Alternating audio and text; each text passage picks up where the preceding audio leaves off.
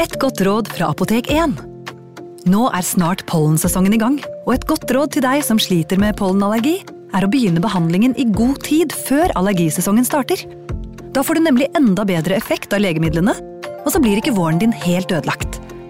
Kom innom og få råd på ditt nærmeste Apotek 1, eller chat med oss på apotek1.no. Apotek 1 vår kunnskap, din trygghet.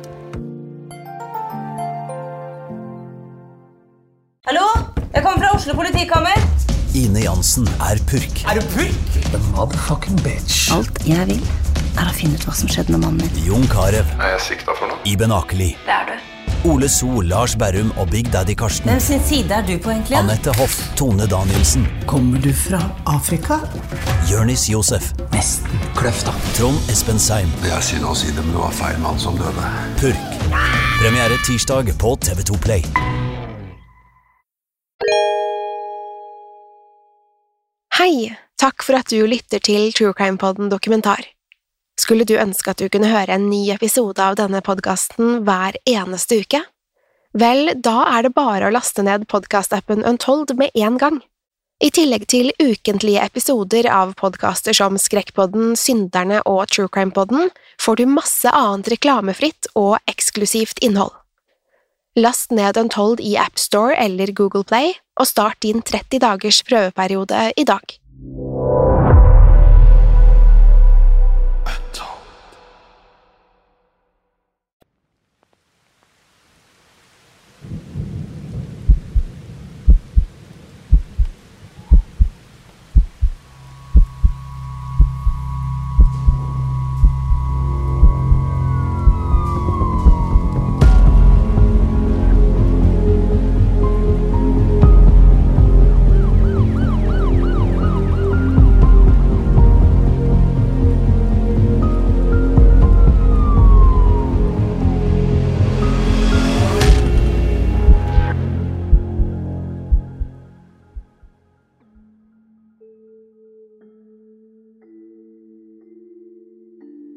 Etter å ha blitt tvangsflyttet fra Baltimore i Maryland til Nord-California, hadde Tupac Shakur gitt avkall på drømmen sin om å bli skuespiller.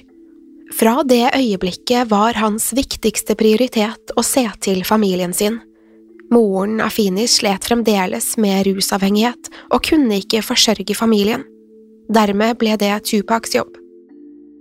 For å tjene inn nok penger forsøkte han å skaffe seg småjobber her og der, men ble sparket etter kort tid fordi han ikke gjorde jobben sin skikkelig.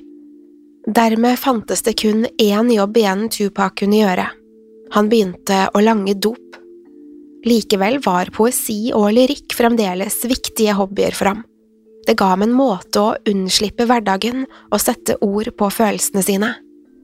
Snart skulle også andre legge merke til hva slags talent som gjemte seg i unge Tupac. Etter å ha deltatt på et kurs i tekstforfatterskap ble han kjent med poeten og promotøren Leila Steenberg. Steenberg så potensialet i Tupacs tekster og introduserte ham for en av byens beste hiphop-grupper, Digital Underground. Gjennom Digital Underground tok det ikke lang tid før Tupac hadde fått fotfeste innenfor industrien, og i 1991 skulle han gi ut sitt første soloalbum, Tupacalypse Now. Her satte Tupac ord på hvordan det virkelig var å være en ung afroamerikansk mann i USA, og det vakte store reaksjoner. Selv om Tupac skrev alt om det som opptok unge i hans miljø, og kastet lys over alvorlige temaer som maktmisbruk og politivold, hadde han ikke opplevd slikt selv. Det var helt til oktober 1991, da han ble offer for grov vold fra to politibetjenter etter at han hadde blitt rasende av at de lo av navnet hans. Bakgrunnen for overfallet var at Tupac hadde krysset gaten på rødt lys. Da betjentene ba om å få se identifikasjon, var de sikre på at Tupac var et falskt navn. Tupac hadde aldri akseptert at noen gjorde narr av navnet hans. Det var arven han hadde etter moren, og det gjorde ham stolt. Da han begynte å krangle med betjentene og krevde en unnskyldning og respekt, fikk han kjenne smaken av batongene deres. Nå hadde Tupac fått oppleve politivold og maktmisbruk på kroppen. Tidligere hadde han kun skrevet om det han hadde lest i avisene, men nå visste han hva han snakket om. Noe var fryktelig galt i Amerika, og noe måtte gjøres. Tupac følte det var hans oppgave å være den som endret situasjonen for andre afroamerikanere. Gjennom moren, Afeni, hadde Tupac lært at han var en kriger som skulle stå opp for de som ikke kunne beskytte seg selv. Tidligere hadde Tupacs våpen vært pennen, men nå var alt snudd på hodet. Etter overfallet hadde Tupac startet en undergrunnsbevegelse som skulle kjempe for unge afroamerikanske menns rettigheter. Bevegelsen fikk navnet Thug Life, som var et stikk til myndighetene som ofte ga unge afroamerikanske menn en merkelapp som kriminelle kjeltringer, eller thugs. Etter det ble Thug Life en viktig del av Tupacs personlighet og fremtoning. Han fikk ordene tatovert stort på magen, som en påminnelse om hans viktigste oppgave i livet. Hans våpen ville fremdeles være pennen, men om det ble nødvendig, skulle han ikke være redd for å ty til vold. For å bli tatt på alvor mente Tupac at han var nødt til å omfavne livsstilen til de han skrev om. Ved å leve på samme måte som dem ville han ikke oppfattes som falsk eller hyklersk. Det betydde at Tupac gikk til innkjøp av våpen og oppførte seg aggressivt overfor myndighetene og politiet. Denne nye livsstilen, samt hans første album fra 1991, fikk dermed mange til å klandre Tupac for oppførselen til unge afroamerikanere. Folk påsto at Tupacs musikk oppfordret og egget til vold og opprør. En hendelse fra 1992 skulle bare kaste bensin på det allerede brennende bålet som var kritikken mot den unge rapperen. I april 1992 ble nemlig en politibetjent skutt og drept i Texas av en ung afroamerikansk mann. I ettertid skulle skytteren påstå at han hadde hørt på Tupacs album Tupacalypse Now like før hendelsen, og at dette hadde gitt ham motivasjon til å drepe betjenten. Mediene eksploderte av kritikere og bekymrede amerikanere som ville fjerne albumet fra butikkhyllene. Selv visepresident Dan Quayle opptrådte på offentlig TV og påsto at Tupac oppfordret tilhengerne sine til å ta livet av politifolk. Det var selvsagt ikke budskapet Tupac ville få frem. For ham handlet tekstene om å kaste lys over problematikken med rasisme innad i politiet, og at myndighetene var nødt til å vaske opp. Det hindret ikke Tupac i å være i ferd med å bli Amerikas nye samfunnsfiende nummer én. Selv om Tupacalypse Now fikk all denne oppmerksomheten, hadde ikke albumet blitt noen finansiell suksess. Det var Tupacs første album, og ingen hadde forventet at det ville ta av med det første. Det stoppet uansett ikke Tupac fra å fortsette å skrive ny musikk og tekster han mente reflekterte samfunnet han levde i. Da hans andre soloalbum ble sluppet i februar 1993, hadde Tupac begynt å få flere tilhengere. Denne gangen skulle albumet bli en braksuksess. På dette nye albumet fremsto Tupac enda sintere og mer kritisk til måten Amerika behandlet de som hadde aller minst. I flere intervjuer i forkant av albumslippet snakket han om forskjellen på fattig og rik. Han kunne ikke skjønne hvordan noen mennesker kunne sitte på millioner av dollar uten å dele med seg. Selv instrumentalen på albumet hadde en mer metallisk og radikal lyd som bare fremhevet Tupacs budskap i tekstene. Det var dette uttrykket som gjorde at massene endelig fikk øynene opp for Tupacs musikk. Det var ulikt noe de hadde hørt tidligere, og folk elsket det. Snart hadde albumet solgt til platina med over én million solgte eksemplarer. Albumet hadde også låter der Tupac hadde fått med seg gjesteartister. Disse var nøye valgt ut for å representere det knallharde politiske budskapet i tekstene. Gjesteartistene var blant annet Ice Cube og Ice-T, som begge hadde tillagt seg en sterk politisk fremtoning de siste årene, med låter som Fuck the Police og Cop Killer. Med det nye albumet var det også tydelig at Tupac fortsatte å holde fast ved den tøffe personligheten. Hvor enn han dro, enten det var for å spille konserter eller på byen, holdt han på denne masken. I hans øyne var han nødt til å fremstå som farlig om han ønsket å bli tatt på alvor.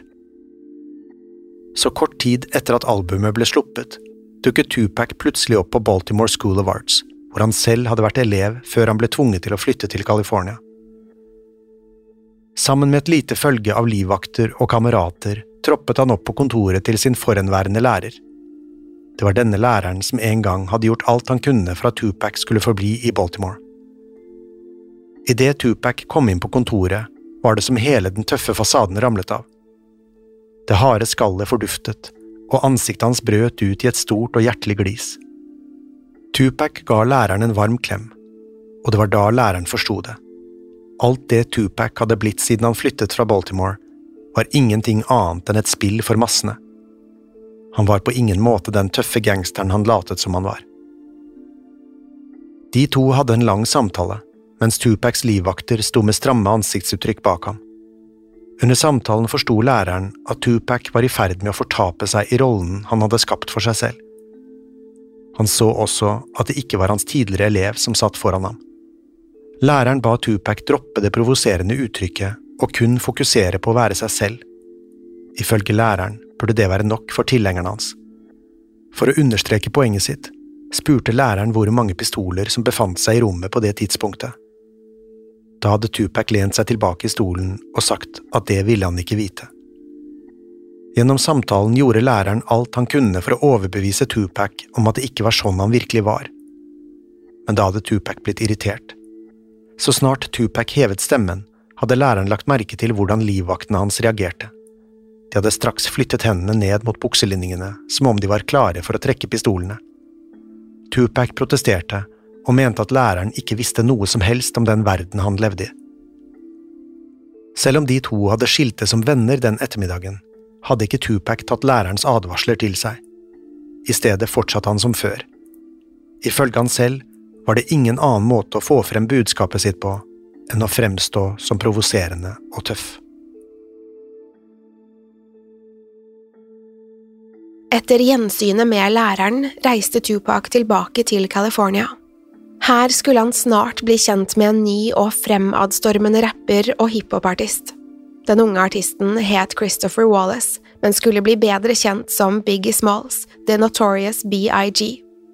Dette ble et bekjentskap som skulle ha stor innvirkning på Tupacs korte liv. Biggie var opprinnelig fra Brooklyn og hadde egentlig kun hatt musikken som en hobby.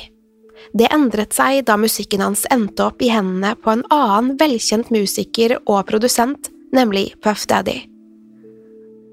Biggie ble plukket opp av Puffys plateselskap, Bad Boy Records, og deretter ble han sendt til California for å gjøre seg kjent med industrien. Biggie var allerede stor fan av Tupac og musikken hans, og da han ankom California, var det første han ønsket seg et møte med forbildet. Tupac og Biggie hadde funnet tonen med det samme og ble snart nære venner.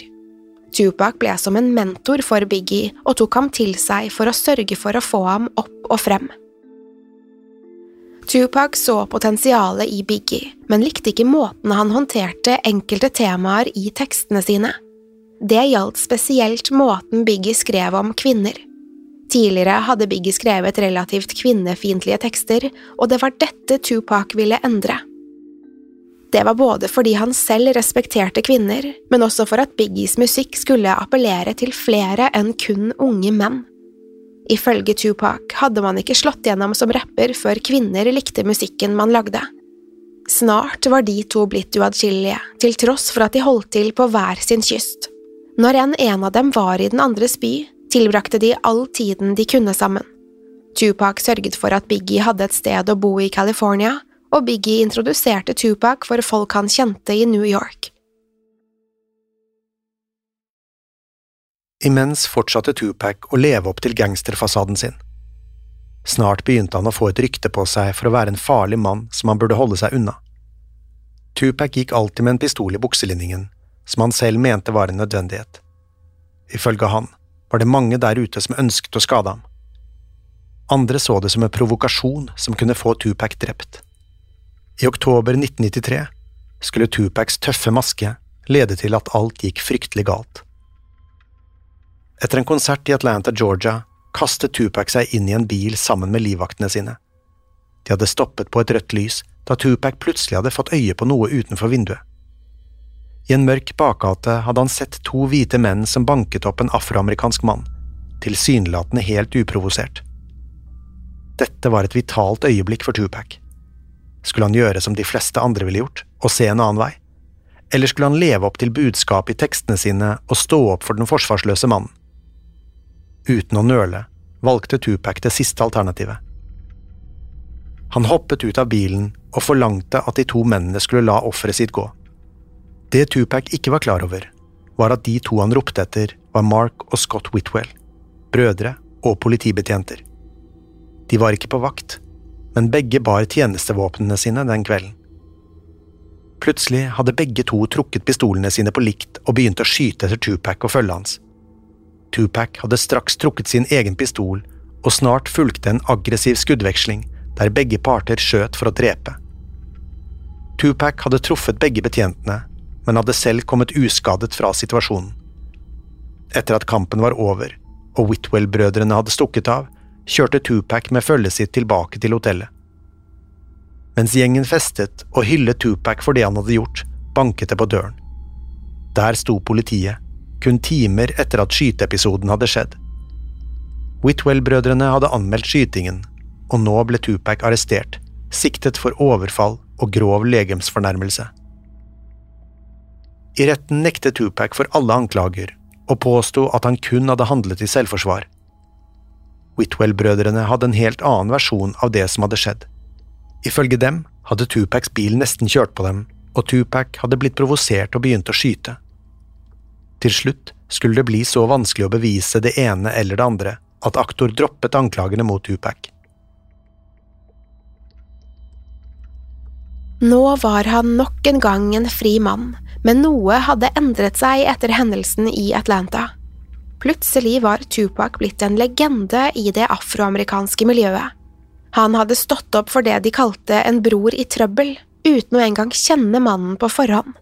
Fra det øyeblikket var Tupac blitt selve symbolet på afroamerikanernes kamp for likhet og frihet.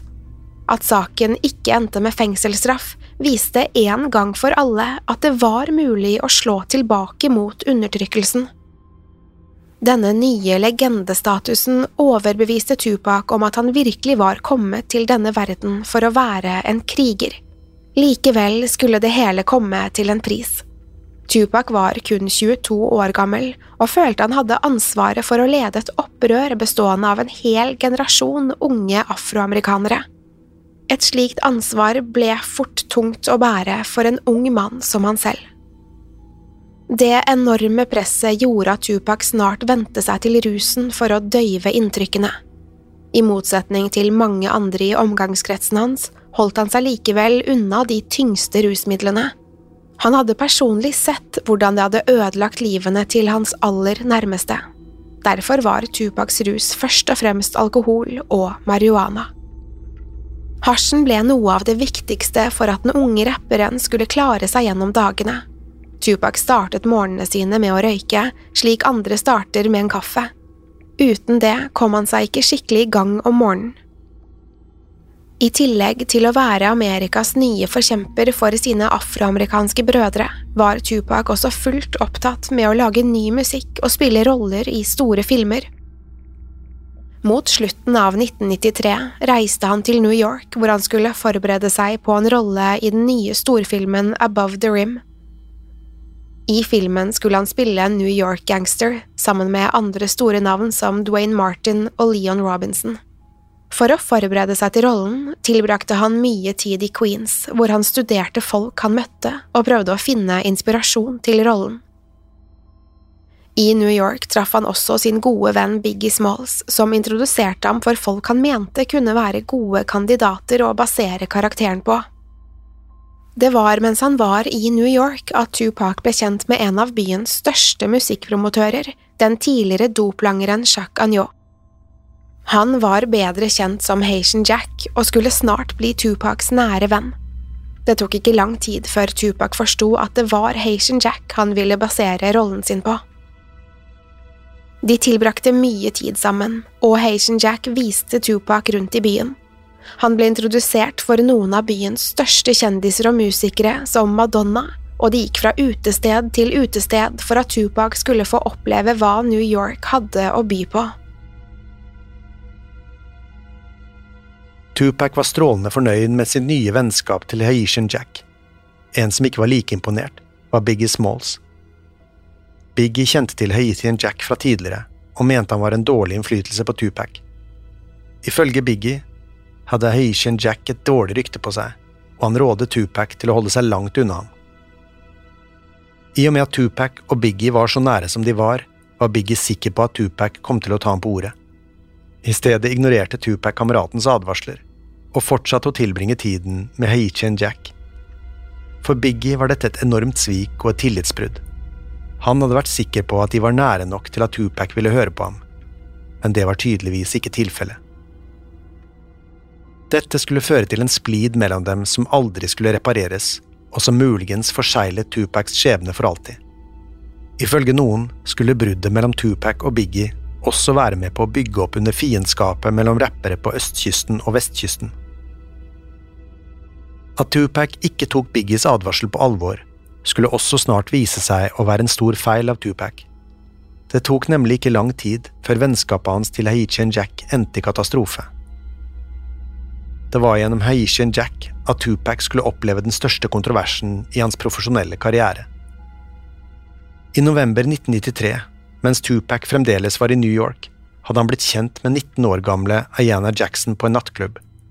De to hadde funnet tonen, og Ayana hadde blitt med Tupac tilbake til hotellet hans den natten. Over de neste par dagene møttes de flere ganger og fikk et nært, intimt forhold. Den 18. november hadde Tupac invitert med seg Ayana tilbake til hotellrommet sitt igjen, og hun hadde blitt med. Ayana var sikker på at det kun skulle være henne og Tupac, men det skulle snart vise seg at det ikke var tilfellet. Etter å ha vært alene et par minutter dukket det plutselig opp flere menn på soverommet. I tillegg til Tupac selv hadde det vært Haitian Jack, Tupacs turnémanager Charles Fuller samt en uidentifisert mann. Hva som faktisk skjedde på hotellrommet den natten, har i ettertid vært et svært omdiskutert tema. Ayana selv påsto at alle de fire mennene hadde forgrepet seg på henne. Kun dager senere dukket politiet opp på Tupacs dør og arresterte ham. Han ble siktet for overgrep, og i tillegg ble det funnet flere uregistrerte våpen på hotellrommet. Da Tupac ble spurt om våpnene, påsto han at de tilhørte ingen andre enn Biggie Smalls. Dette var nok et svik som skulle være avgjørende for Tupacs og Biggies forhold.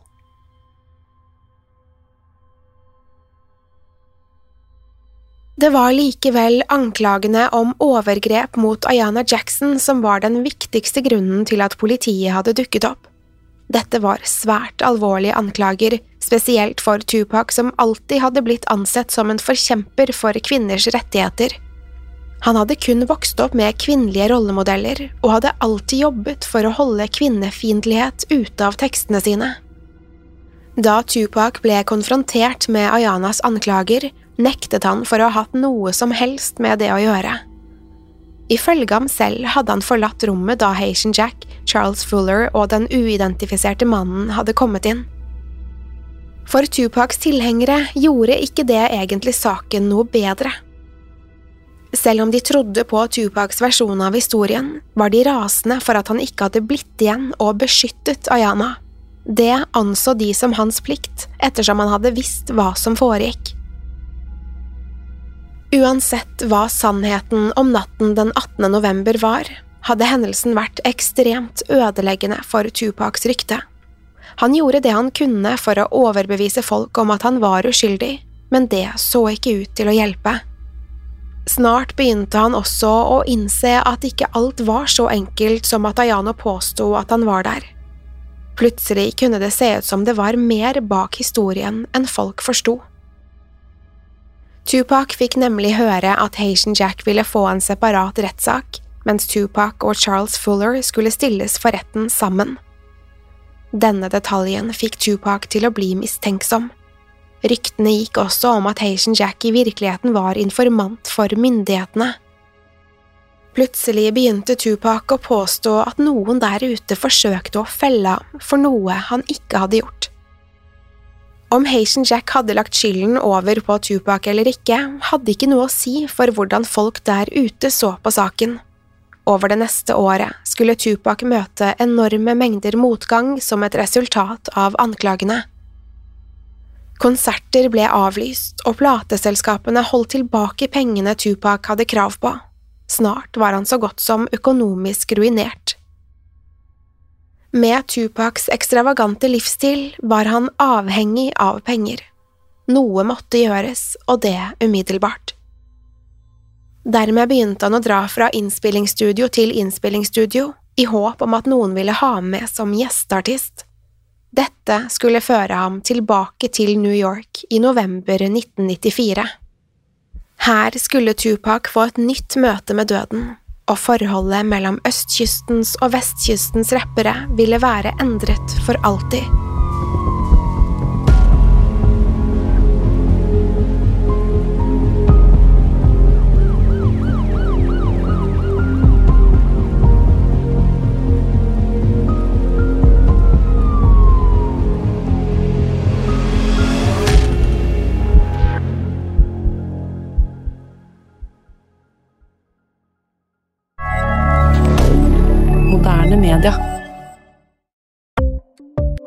Ukens annonsør er Folio, en smartere banktjeneste for deg som har en egen bedrift eller ønsker å starte for deg selv. Folio er en superenkel nettbank for bedrifter. Som kunde i Folio får du en bedriftskonto med et bedriftskort og app. I denne appen er det smarte løsninger som forenkler regnskapet ditt, uansett om du har en liten bedrift eller et enkeltpersonsforetak. Folio er både intuitivt og brukervennlig, og er laget med et enkelt språk. I tillegg tilbyr de forutsigbare priser og ingen skjulte gebyrer. Skulle du likevel trenge det, så kan du snakke med deres raske og hyggelige kundeservice, og der får du prate med en faktisk person og ikke en chatbot. Folio er med andre ord både enklere og koseligere enn banken. Over 10 000 bedrifter har allerede valgt Folio som sin banktjeneste, så besøk folio.no og se hvordan Folio kan forenkle din hverdag også. Har du et enkeltpersonforetak eller en liten bedrift? Da er du sikkert lei av å høre meg snakke om hvor enkelt det er med kvitteringer og bilag i fiken, så vi eh, gir oss her, vi. Fordi vi liker enkelt. Fiken superenkelt regnskap. Kiwi er billigst i VGs matbørs og har vært billigst i fire av de fem siste VGs matbørser. Og nå presser vi prisene på frukt og grønnsaker. På 200 gram broccolini setter vi prisen til 24,90. På 400 gram Cevita blåbær setter vi prisen til 49,90. Og husk, alle Kiwi Pluss-kunder får i tillegg 15% trumfbonus på all fersk frukt og grønt. For det er vi som er prispresserne. Og vi i Kiwi gir oss aldri på pris.